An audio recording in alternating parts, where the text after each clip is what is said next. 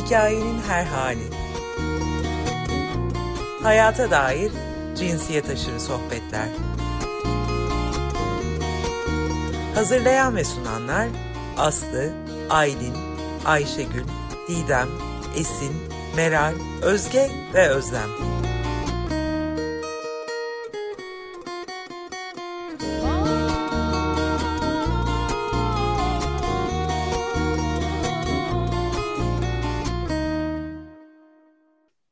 Herkese merhaba. Ben Ayşegül. Ee, biraz önce dinlediğimiz çok etkileyici parçaya dair bilgileri birazdan sevgili Meral Akkent'ten alıyor olacağız. Hoş geldin sevgili Meral. Merhabalar. Bugün Meral'e e, çifte hoş geldin diyoruz. Bir, bu programda birlikte olacağımız için ben çok mutluyum.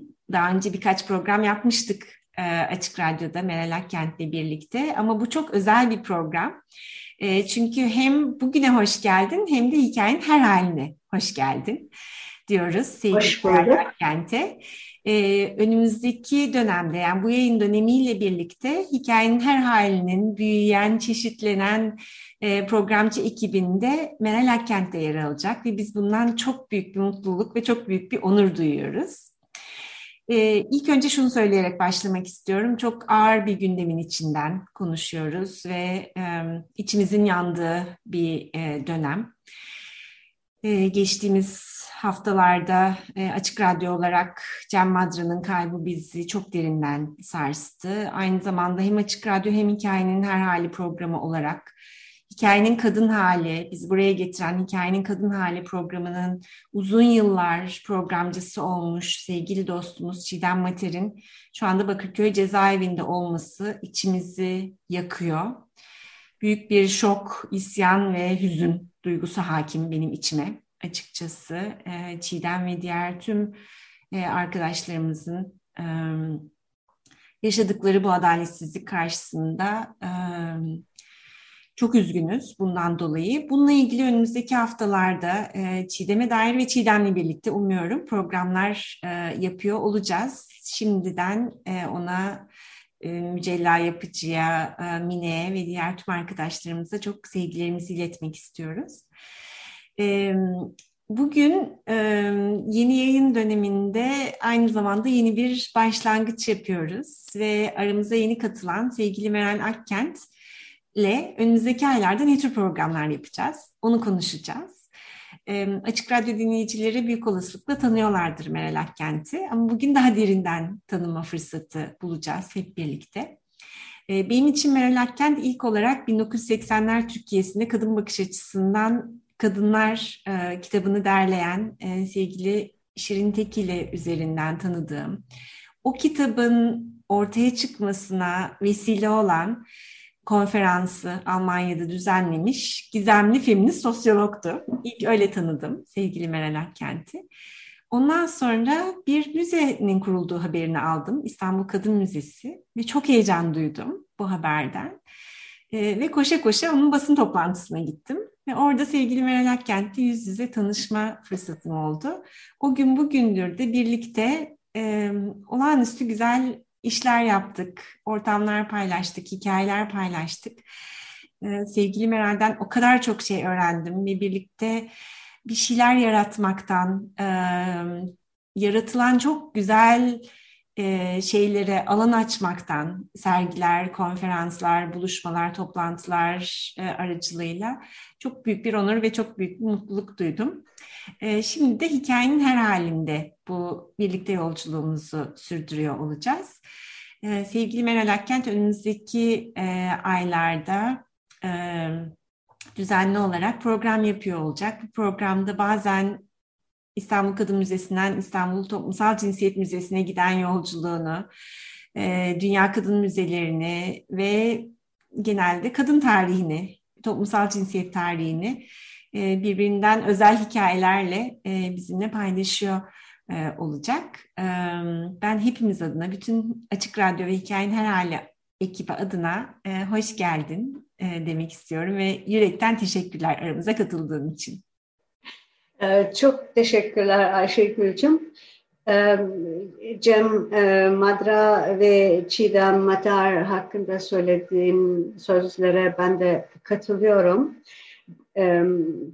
En iyi dileklerimi gönderiyorum Çiğdem Matar'a ve Cem Madra'yı da çok güzel bir iz bırakarak, açık radyoyu yaratarak, bizlere emanet ederek e, gittiği e, için sevgiyle anıyorum. E, Cem Madra'nın e, babasıyla, babası Ömer Madra ile bir kahvaltı sofrasında hadi radyo programı yapalım e, demesi e, ne hiç unutmuyorum bu hikayeyi. E, büyük bir heyecanla Ömer Madra'dan dinlemiştim. Dinlediğimiz ilk şarkı e, Kasiya'dan e, bu konuyla ilgili.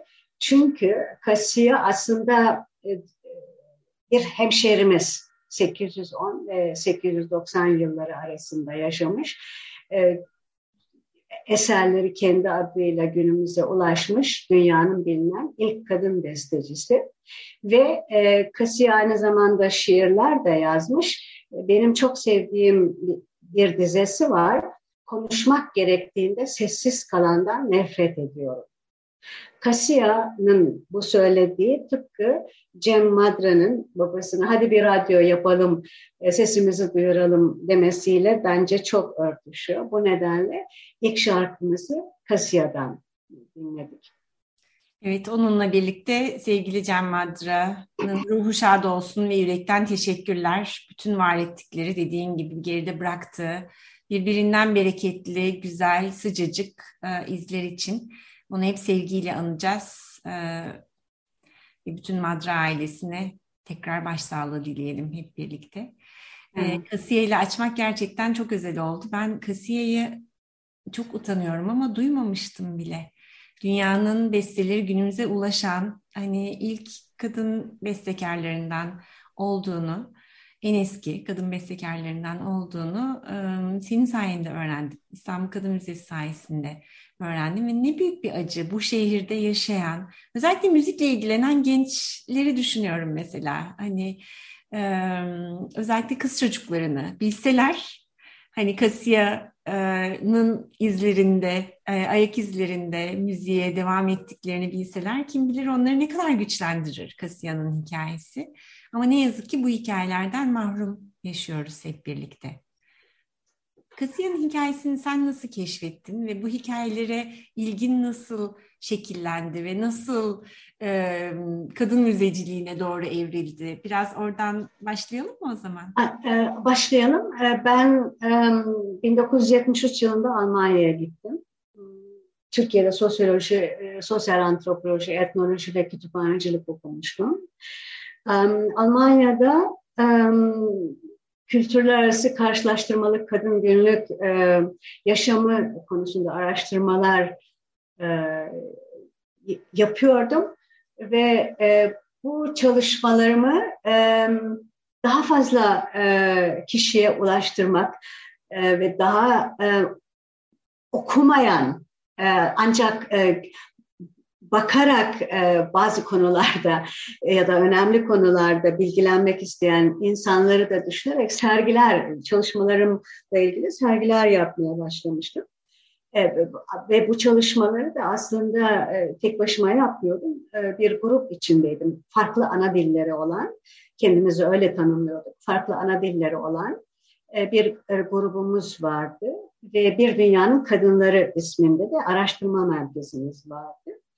Ee, bu çalışma dünyanın kadınları ne kadar güzel bir isim. Evet, bir dünyanın kadınları. Ee, bin, e, 1984 yılında e, kurmuştuk bu derneğimizi. E, kültürler arası kadın e, günlük yaşamı konusunda araştırma yapmak için. Bu e, yaptığımız e, araştırmaların sergileri e, gittikçe artmaya başladı.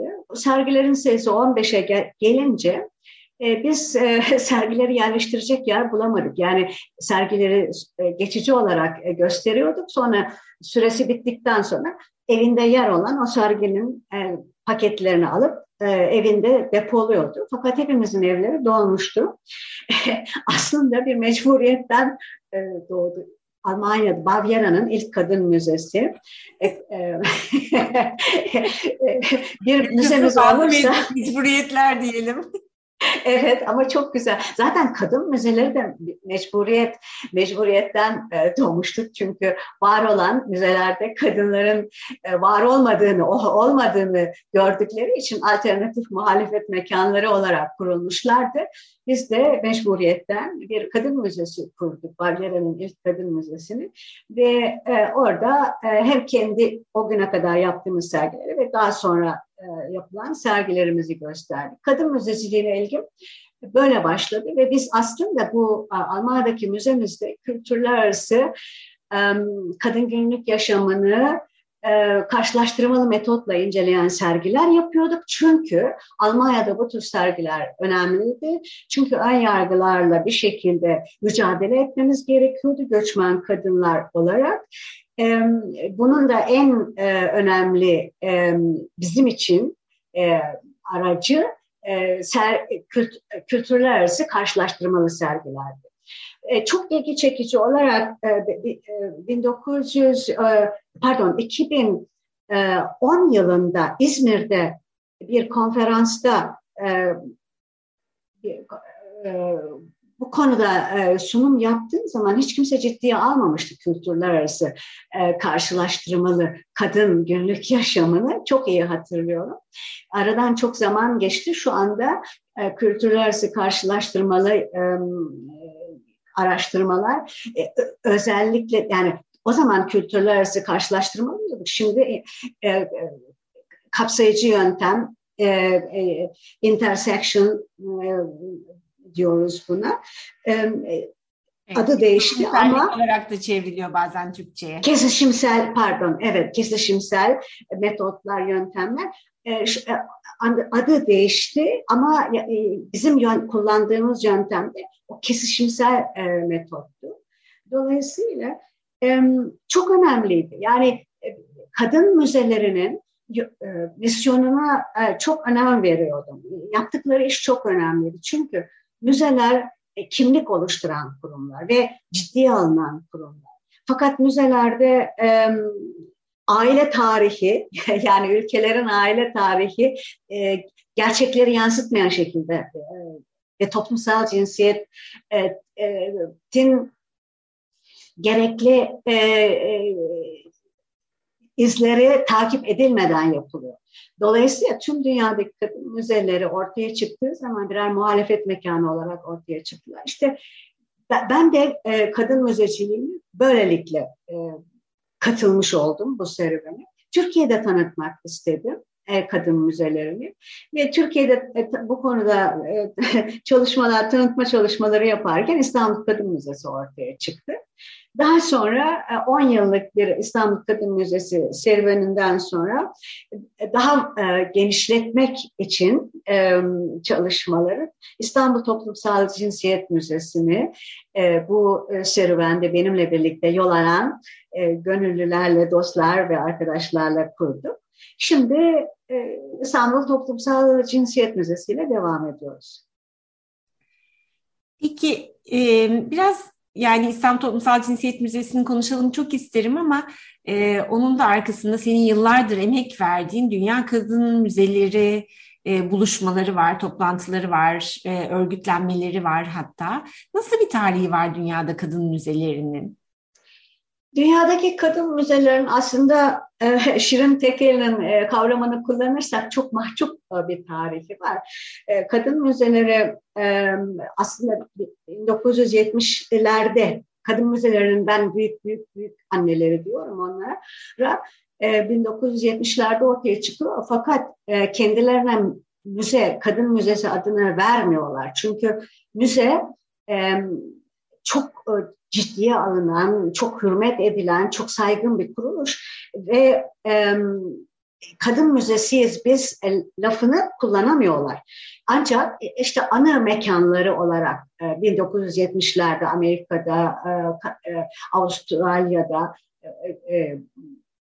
ortaya çıkıyorlar ve yöresel kadın tarihini bir şekilde anlatmak ihtiyacını hissediyorlar. Çünkü 70'lerde kadın araştırmaları ortaya çıktığı zaman, feminist araştırmalar, feminist yöntemler ortaya çıktığı zaman bu e, kadın tarihçileri de çok etkiliyor. Dolayısıyla ke, kendi bölgelerindeki müzelere e, ya da a, a, a, ana, ana evlerine e, dikkatle bakıyorlar. Orada sadece erkek isimlerin olduğunu görünce bunu değiştirmek ihtiyacını hissederek kadın ana evleri kuruyorlar.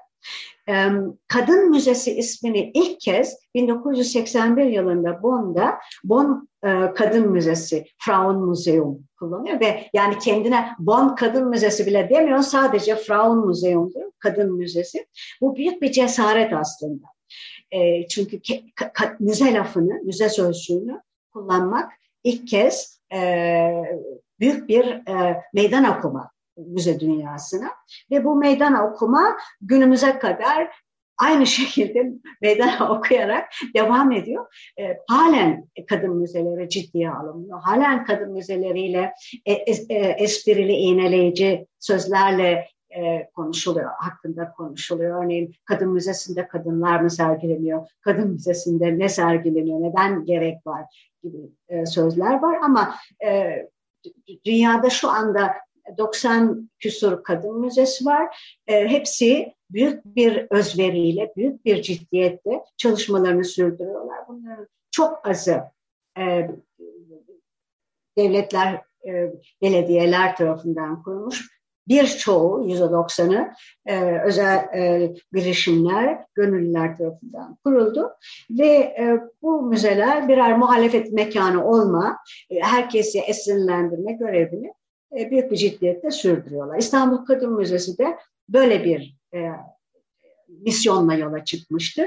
Kapsayıcı yöntemle e, kadın tarihini, kent kadın tarihini yazmak istemişti e, ve Türkiye'nin ilk kadın müzesi değil mi İstanbul Kadın Müzesi? Evet, Türkiye'nin ilk kadın müzesiydi İstanbul Kadın Müzesi ve ondan sonra e, gerçekten de esinlendirme görevini çok iyi yaptı. İzmir'de ikinci e, olarak kadın müzesi kuruldu. Arkasından Mersin'de kadın müze, kadın ve göç müzesi kuruldu. Daha sonra dördüncü müze olarak Antalya'da Antalya Kadın Müzesi kuruldu. E, ve aslında birçok da e, girişim, kadın müzesi girişimleri başladı. İzmir'de kadın müzesi girişimi oluştu. Çünkü İzmir'deki Kadın Müzesi e, İzmir Belediyesi'nin, Konak Belediyesi'nin kurduğu bir müzeydi. Bu konseptle e, çalışmak istemeyen başka e, feminist gruplar kendi kadın müzelerini kurmak istediler. Diyarbakır'da bir kadın müzesi girişimi vardı. Yani bütün bunlar İstanbul Kadın Müzesi'nin esinlendirdiği girişimler oldu. Evet ne kadar bereketli bir başlangıç oldu aslında. Şimdi de bundan İstanbul Toplumsal Cinsiyet Müzesi doğdu. Aslında kadın tarihine baktığımızda yani kadınlar nerede sorusunu sormak daha doğrusu tarihe baktığımızda görüyoruz ki kadınlar nerede sorusunu sorduğumuzda bazen hani bütün çerçevelerimizi yıkan, tarihi sil baştan yazmamızı gerektiren cevaplar bulabiliyoruz. Ee, buna benim kendi alanımdan verdiğim en çarpıcı örneklerden bir tanesi e, antropoloji alanından, ortak alanımızdan diyeyim aynı zamanda. E, 1960'ların sonuna 70'lerin başına kadar e, insanlık tarihinin en uzun dönemi avcı dönem olarak, avcı toplum olarak. Sonra işte e, tarım toplumu, sonra endüstriyel toplum, yani tarım toplumu son 10 bin yıl, endüstriyel toplum son 200-250 yıl. Ondan önceki dönem en az 250 bin yıl bazı tanımlara göre çok daha uzun süren bir dönem atalarımız e, avcı ve toplayıcı toplumlarda yaşamışlar. Avcılık ve toplayıcılıkla kendilerini idame etmişler. Ama onun toplayıcılık kısmı yakın döneme kadar yok. Bunlar avcı toplumlar olarak biliniyorlar. İşte Harvard Üniversitesi'nden çıkan bir kitap var 60'ların sonunda. Avcı toplum. Hatta Man the Hunter yani man orada e, human'ın karşılığı yani insanoğlu gibi. İnsanın karşılığı erkek olarak doğrudan tanımlanıyor. Ne zaman ki peki kadınlar nerede bu toplumlarda sorusu sorulmaya başlanıyor. Feminist tarihçiler ve antropologlar, arkeologlar sayesinde fark ediyorlar ki bu toplumların e, besinlerinin yüzde 70 ila 90'ı e, nerede yaşadıklarına bağlı olarak toplayıcılıktan geliyor. Yani bu toplumlar daha çok toplayıcı aslında. Toplayıcılıkla daha fazla kendilerini besliyorlar ve idame ettiriyorlar. Dolayısıyla insanlık tarihinin en uzun döneminin en uzun eylemine, e, etkinliğine kör kalmışız kendi cinsiyetçiliğimizden dolayı. Kadınların emeğini önemsememek, kadınların katkılarını önemsememekten dolayı. Ve ne zamanki kadınlar nerede sorusunu sormuşuz, e, bütün insanlık tarihinin tanımlaması değişmiş. Bu en uzun dönem artık avcı toplayıcı toplum olarak tanımlanıyor. Yakın dönemde çok ilginç bir araştırma çıktı ortaya. Kuzey ve Güney Amerika'da, Güney Amerika'da bir şey buluyorlar, bir mezar ve o mezarda e, av aletleriyle böyle büyük baş hayvan avlayan birisinin mezarı o av aletleriyle birlikte gömülmüş. Bunun bir erkek bedeni olduğunu varsayıyorlar. Ama sonra DNA testi farklı bir şey gösteriyor. Eskiden olsa muhtemelen bu bilgiyi bir kenara koyacaklar. Aa hani istisna diyecekler. Her nasıl açıklayacaklarsa açıklayacaklar. Ama artık bir merak oluştuğu için bu ekip demiş ki ya bir saniye acaba böyle başka mezarlar var mı? Elimizdeki bilgiler bize ne gösteriyor? Ve bir bakıyorlar hani elimizdeki veriler bugüne kadar e, ortaya çıkan mezarların e, avcı mezarlarının, avcı aletleriyle gömülmüş insanların mezarlarının yüzde otuz ila ellisi kadın. Evet. Kuzey ve Güney Amerika'daki veriler bunlar. Dolayısıyla aslında hani o kategori bile yani e, erkekler avcıdır, kadınlar toplayıcıdır. Onun bile ne kadar basitleştirilmiş olduğunu görüyoruz ve hani bütün o toplumsal cinsiyet algısını, ikili cinsiyet sistemini e, sorgulamamız gerektiği, onun da ne kadar dar bir çerçeve sunduğu ortaya çıkıyor. E, dolayısıyla şimdi senin yeni kurulmasına ön ayak olduğun İstanbul Toplumsal Cinsiyet Müzesi'nin toplumsal cinsiyet odağı bu açıdan bence çok kıymetli. Çünkü hani kadını da varsaymıyor. E, herhangi bir kategoriyi e, e, varsaymayıp onun çok ötesine hayatın her alanı nasıl cinsiyetlendiriliyor ve nasıl o cinsiyetlendirmenin ötesine geçebiliriz ona dair bir davet sunuyor bize. E, bunu biraz daha konuşalım ve neler yapacak Toplumsal Cinsiyet Müzesi, e, onun bir ilk şeylerini duyalım senden istiyorum. Programın kalanında tabii daha çok örneklerini dinliyor olacağız. Ama istersen bir müzik arası verelim önce. Kasiye ile başlamıştık. Kimle devam ediyoruz? Evet, ikinci e, parçamız e, Rebecca Solnit'in e, bir özgürleşme e, tanımı var. O tanımla çok yakından ilgili. Çünkü Rebecca Solnit şöyle diyor, özgürleşme bir kez şişeden çıktıktan sonra tekrar şişeye sokulamayan bir cindir. E, cin büyük büyük büyük annelerimiz sayesinde artık bir kere şişeden çıktı. Dolayısıyla biz de e, sabırla yaratıcı, yaratıcılıklarını sürdüren e, tüm feminist aktivistler için bir şarkı e, çalıyoruz. Bu şarkı e, şarkılarımın kadın gözüyle olduğunu söylüyorlar. Peki ben erkek gözüyle mi yazayım diyen Türkiye'nin ilk feminist punk şarkıcısı Aylin Aslım'dan Gül Yabani. Evet, şimdi Aylin Aslı'ndan benim de çok sevdiğim Gül Yabani parçasını dinleyeceğiz. Sonrasında da Meral Akkent'le sohbetimize devam edeceğiz. Evet, tekrar merhaba herkese. Ben Ayşegül. Ee, bugün sevgili Meral Akkent'le sohbet ediyoruz. Meral Akkent, e, Hikayenin Her Hali programına programcı olarak katıldı bu dönem ve çok mutluyuz e, bunun için. Biraz önce İstanbul Kadın Müzesi, Dünya Kadın Müzeleri nereden çıktı? İstanbul Kadın Müzesi nasıl çıktı, nasıl gelişti? Onu konuştuk ve en son e, Meral Akkent'in e, geçtiğimiz aylarda kurucularından olduğu, e, benim de parçası olmaktan büyük mutluluk duyduğum, e, en azından uzaktan el verdiğim diyeyim e, İstanbul Kadın İstanbul Toplumsal Cinsiyet e, Müzesi'ni biraz konuşalım istiyorum. Nasıl oldu İstanbul Toplumsal Cinsiyet Müzesi ve ismi neden Toplumsal Cinsiyet Müzesi? Evet, e, aslında e, kadın müzeleri e, var olan e, müzelere e, birer e, alternatif e, olmak e, mekan olmak için kurulmuşlardı.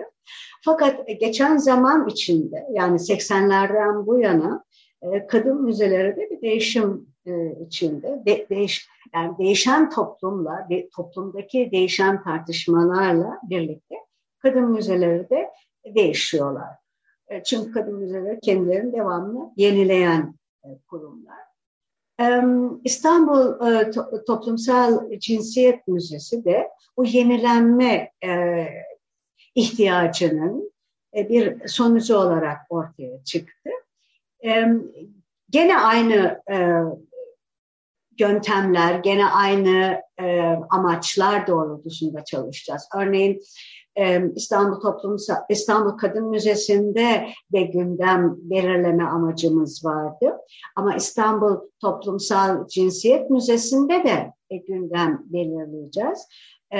Çünkü biz e, e, reaksiyon değil, aksiyon almak istiyoruz. Yani e, gündemin bizi sürüklemesine, gündemdeki konuların bizi sürüklemesine müsaade etmiyoruz enerjimizi e, kendi gündemimizi önemli bulduğumuz gündemi e, belirlemek için kullanmak istiyor. Dolayısıyla İstanbul Toplumsal Cinsiyet Müzesi gündem belirleyecek, konularını e, tespit edecek ve gündemi belirleyecek. E, en önemli e, vasfı İstanbul Toplumsal Cinsiyet Müzesi'nin bu İstanbul Kadın Müzesi'nin de bir bas, önemli vasfıydı. Kapsayıcı olması. Kapsayıcılık çok önemli. E, çünkü e, her zaman unutuyoruz kapsayıcı olmayı. Her ne kadar bu konuda e, düşünsek ve çalışsak da kendimizi her zaman kontrol etmeye çalışsak da kapsayıcı olmak kolay iş değil. Çünkü doğuştan olduğumuz, içinde bulunduğumuz yaşa gelinceye kadar kapsayıcı olmayan bir toplumda yaşadık. Kapsayıcı olmayan eğitim sisteminden geçtik. Kapsayıcı olmayan müzelere ziyarete gittik. Kapsayıcı olmayan televizyon programları, kültür e, yaşamının içinden geçtik. Dolayısıyla bu kapsayıcılığı önce kendimiz sonra da yaptığımız çalışmalara yansıtmak istiyoruz.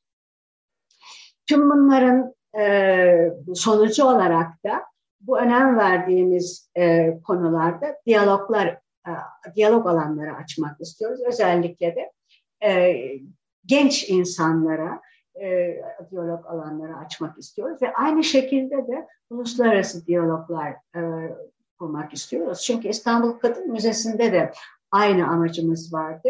E, e, uluslararası hem yerelde hem de uluslararası diyaloglar kurmak e, istiyorduk. Çünkü kadın müzeleri her ne kadar muhalefet mekanı olarak ortaya çıktılarsa da kapsayıcı birçok kadın müzesi kapsayıcı değil. İstanbul Kadın Müzesi kendi kapsayıcı e, amacını diğer kadın müzeleriyle de paylaşarak bunu çoğaltmak istiyordu. Bu konuda tartışma alanları açmak istiyordu. İstanbul Toplumsal Cinsiyet Müzesi'nde de aynı şekilde diyalog alanları açmak istiyoruz ve buna ihtiyacımız var. E, çünkü hep birlikte kendi e, konseptimizi geliştireceğiz. Hep birlikte yol alacağız. Hem e, lokal Türkiye'deki bu konuda çalışanlarla hem de uluslararası alanda. kapsayıcılık derken ana dilleri, etnik gruplar, toplumsal sınıflar, kültürel arka planlar, cinsel yönelimler, engellilik, dini aidiyetler, yaş gibi faktörlerden bahsediyoruz ve bu konularda e, uygulama örnekleri veririz. Örneğin bir e, ufak minicik e, bir e, örnek verirsem ilerideki projelerimizden bir tanesi bitkiler ve hayvanlar alanından farklı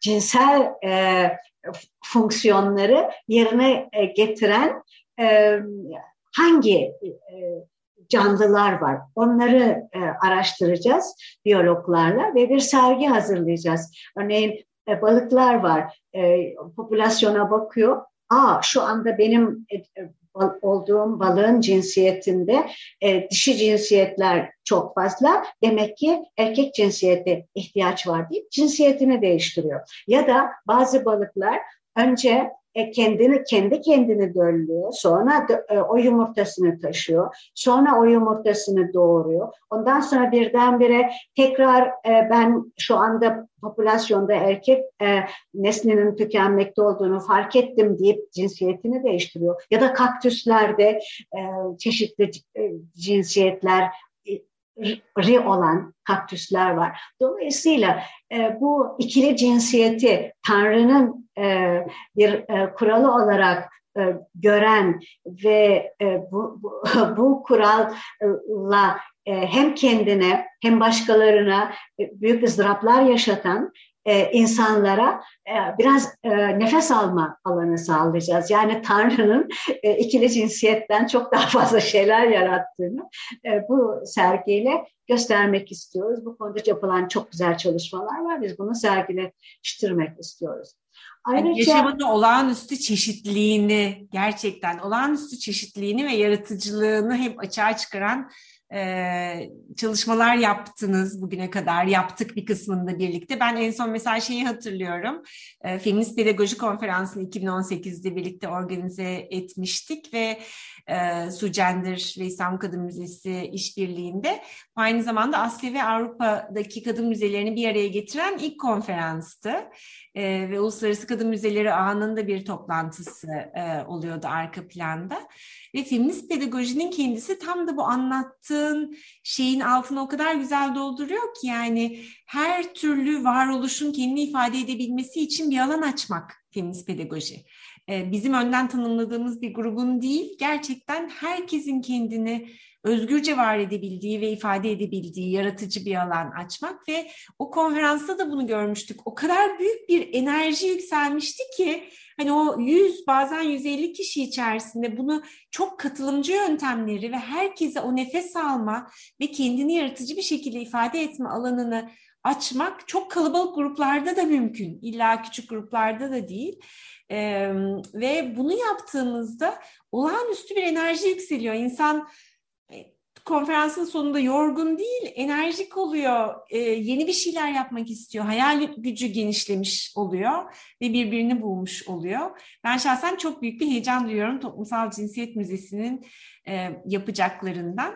Biraz ona giden yolda e, konuşma zamanı diye bir sergi çıkmıştı. Onu da bir türlü konuşma fırsatımız olmadı. Ondan da bahsetmek ister misin biraz? Ta, tabii, tabii. E, bu konuşma zamanı sergisinde e, feminist pedagoji e, yöntemleri kullanıldı. Yani feminist pedagojinin en önemli özelliği katılımcı olması ve katılımcılığı teşvik etmesi ve onu hayata geçirmesi. E, konuşma zamanı e, sergisinde, projesinde e, çok büyük bir katılımcılık vardı. Çünkü e, fe, Türkiye'deki e, feminist e, sloganların e, amatör ya da e, profesyonel e, sanatçılar tarafından açık çağrıyla davet edilen e, sanatçılar tarafından kendi e, sanat e, sal yöntemleriyle yorumlanması amaçlıyordu bu proje. E, aynı zamanda da e, açık çağrıya cevap veren kişilerin son derece geniş bir yelpazeyi e, temsil etmesine özel önem verdik. Hem ana dilleri açısından hem bölgeler açısından hem yaş açısından. Örneğin en genç sanatçımız 14, en büyük sanatçımız 72 yaşındaydı.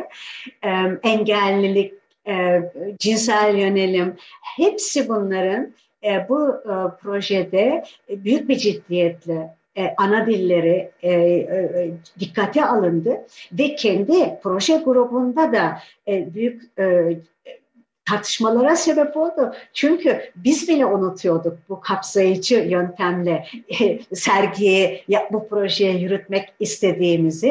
E, ama e, çok önemliydi e, kota koymak. Burada da kota koyduk. Yani tüm e, e, katılımcıların ana dilinin Türkçe olmamasına çok dikkat ettik. Tüm katılımcıların e, belli yörelerden olmamasına dikkat ettik. Tüm katılımcıların belli yaş gruplarından olmamasına, tüm katılımcıların profesyonel sanatçı olmamasına, herkese şans vermek için. E, ayrıca bu... e, şu anda bizi dinlerken web sitesine bakmak isteyenler olursa diye söyleyelim istersen konuşmazamanı.com diye çok etkileyici bir web sitesi var bu serginin. E, kenti kadın artıların sözü ve sanatıyla donatmak alt başlığıyla içinde e, bu çerçevede üretilen, çok farklı dillerde üretilen e, sloganlar eşliğinde üretilen işlere, sanat işlerine bakabilirsiniz. Gerçekten her biri birbirinden etkileyici. Evet bu sitede aynı zamanda hem sergiyi inceleyebilirler hem de isterlerse serginin kitabını PDF belge olarak indirebilirler.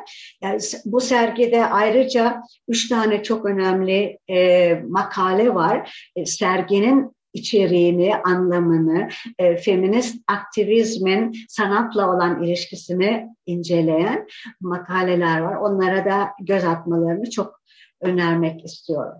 Nasıl gelişti peki bu sergi ve buradan Toplumsal Cinsiyet Müzesi'ne giden yol e, nasıl şekillendi? Bu sergi ya aslında İstanbul Kadın Müzesi ile başlamıştık.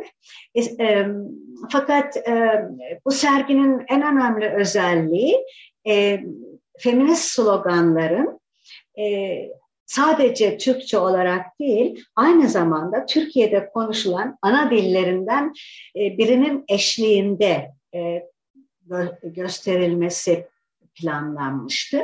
Çünkü Türkiye'de 30'dan fazla ana dili konuşuluyor.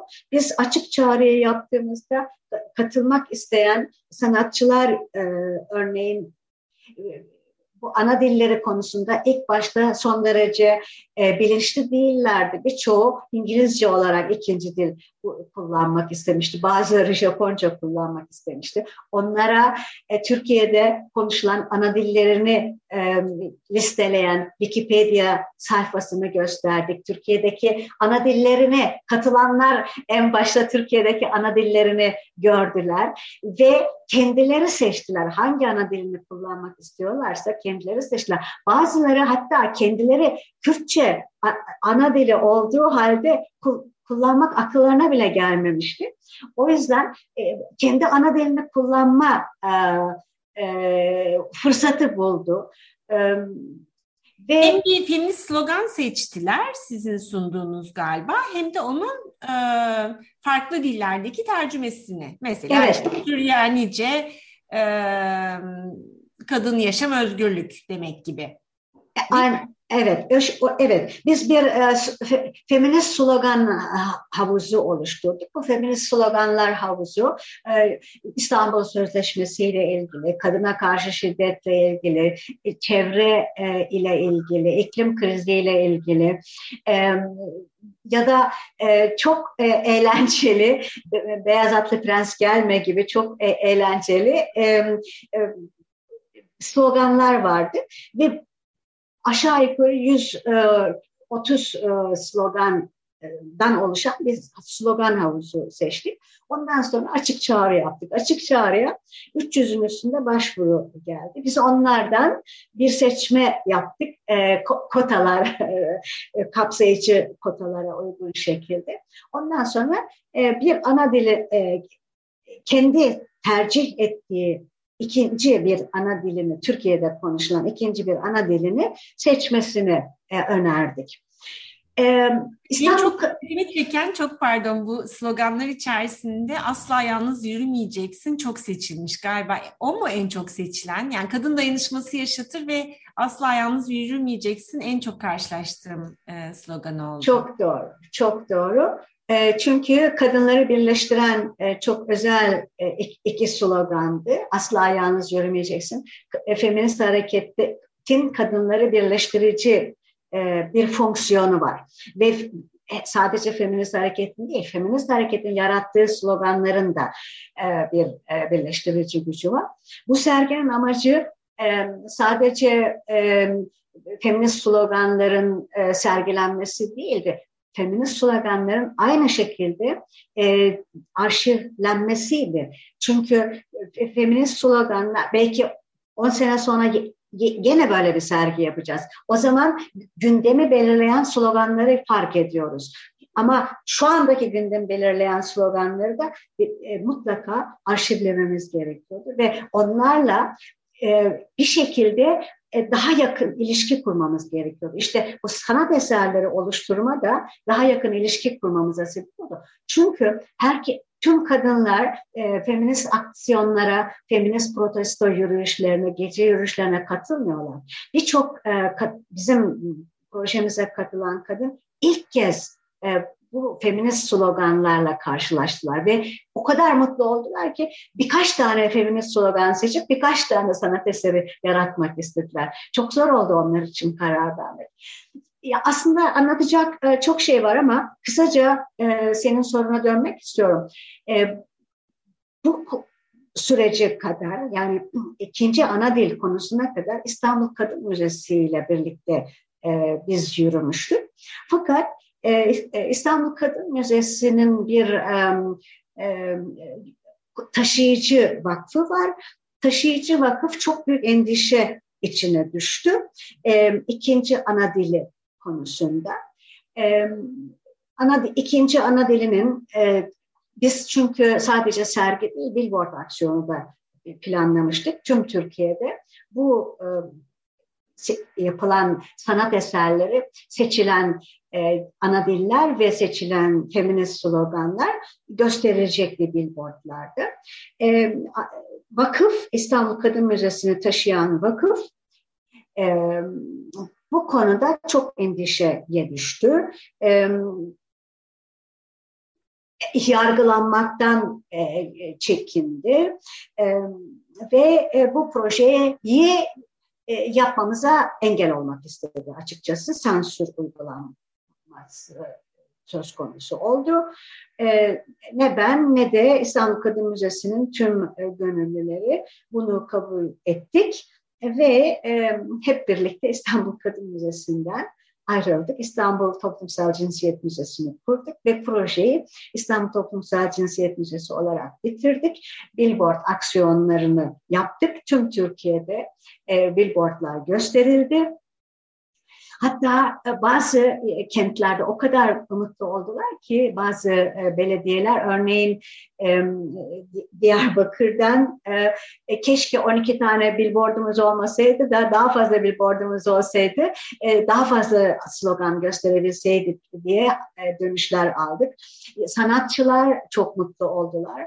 Çünkü örneğin e, Ermenice ana dilini, ikinci ana dili olarak Ermenice'yi seçen e, bir sanatçı eğer benim e, dil e, posterime e, e, sadece bir kişi bile ana dilin e, Ermenice olan bir kişi bile okusa ve mutlu olsa yaptığım çalışmaya değdi dedi. Ve herkes aslında kendisi için bir kazanç olarak gördü bu projenin konseptini.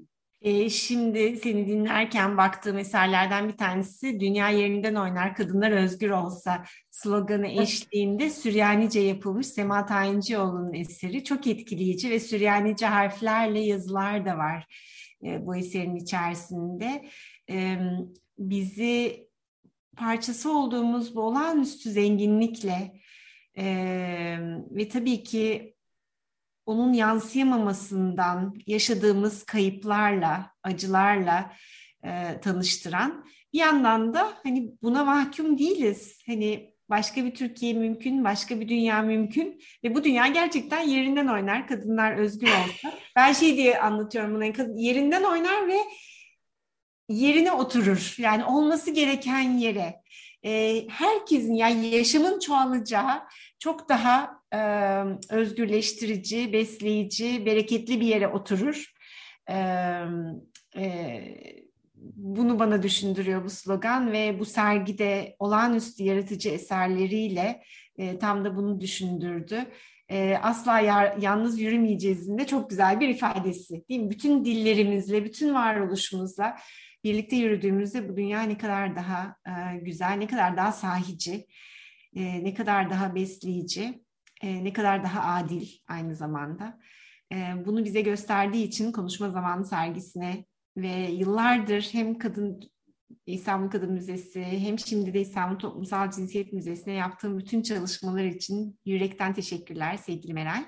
E, zamanımız doldu ne yazık ki ama ne güzel ki önümüzdeki haftalarda dinleyicilerimiz seni uzun uzun dinleme fırsatına e, sahip olacaklar. Burcu Yılmaz'la birlikte arada sohbet ediyor olacaksınız İstanbul Toplumsal Cinsiyet Müzesi'nden ve de hani dünyada ve Türkiye'de kadın tarihi üzerine, toplumsal cinsiyet tarihi üzerine eminim birbirinden heyecan verici programlar yapıyor olacaksın. Tekrar Açık Radyo adına ve Hikayenin Her Hali adına e, hoş geldin e, ve çok teşekkürler demek istiyorum. Çok teşekkürler. Açık Radyo ailesine katıldığım için ben de çok mutluyum. Bugün ne yazık ki zamanımız doldu ama bir parçayla çıkacağız. Onu istersen tanıtalım. Bugün son parçamız bir kutlama şarkısı.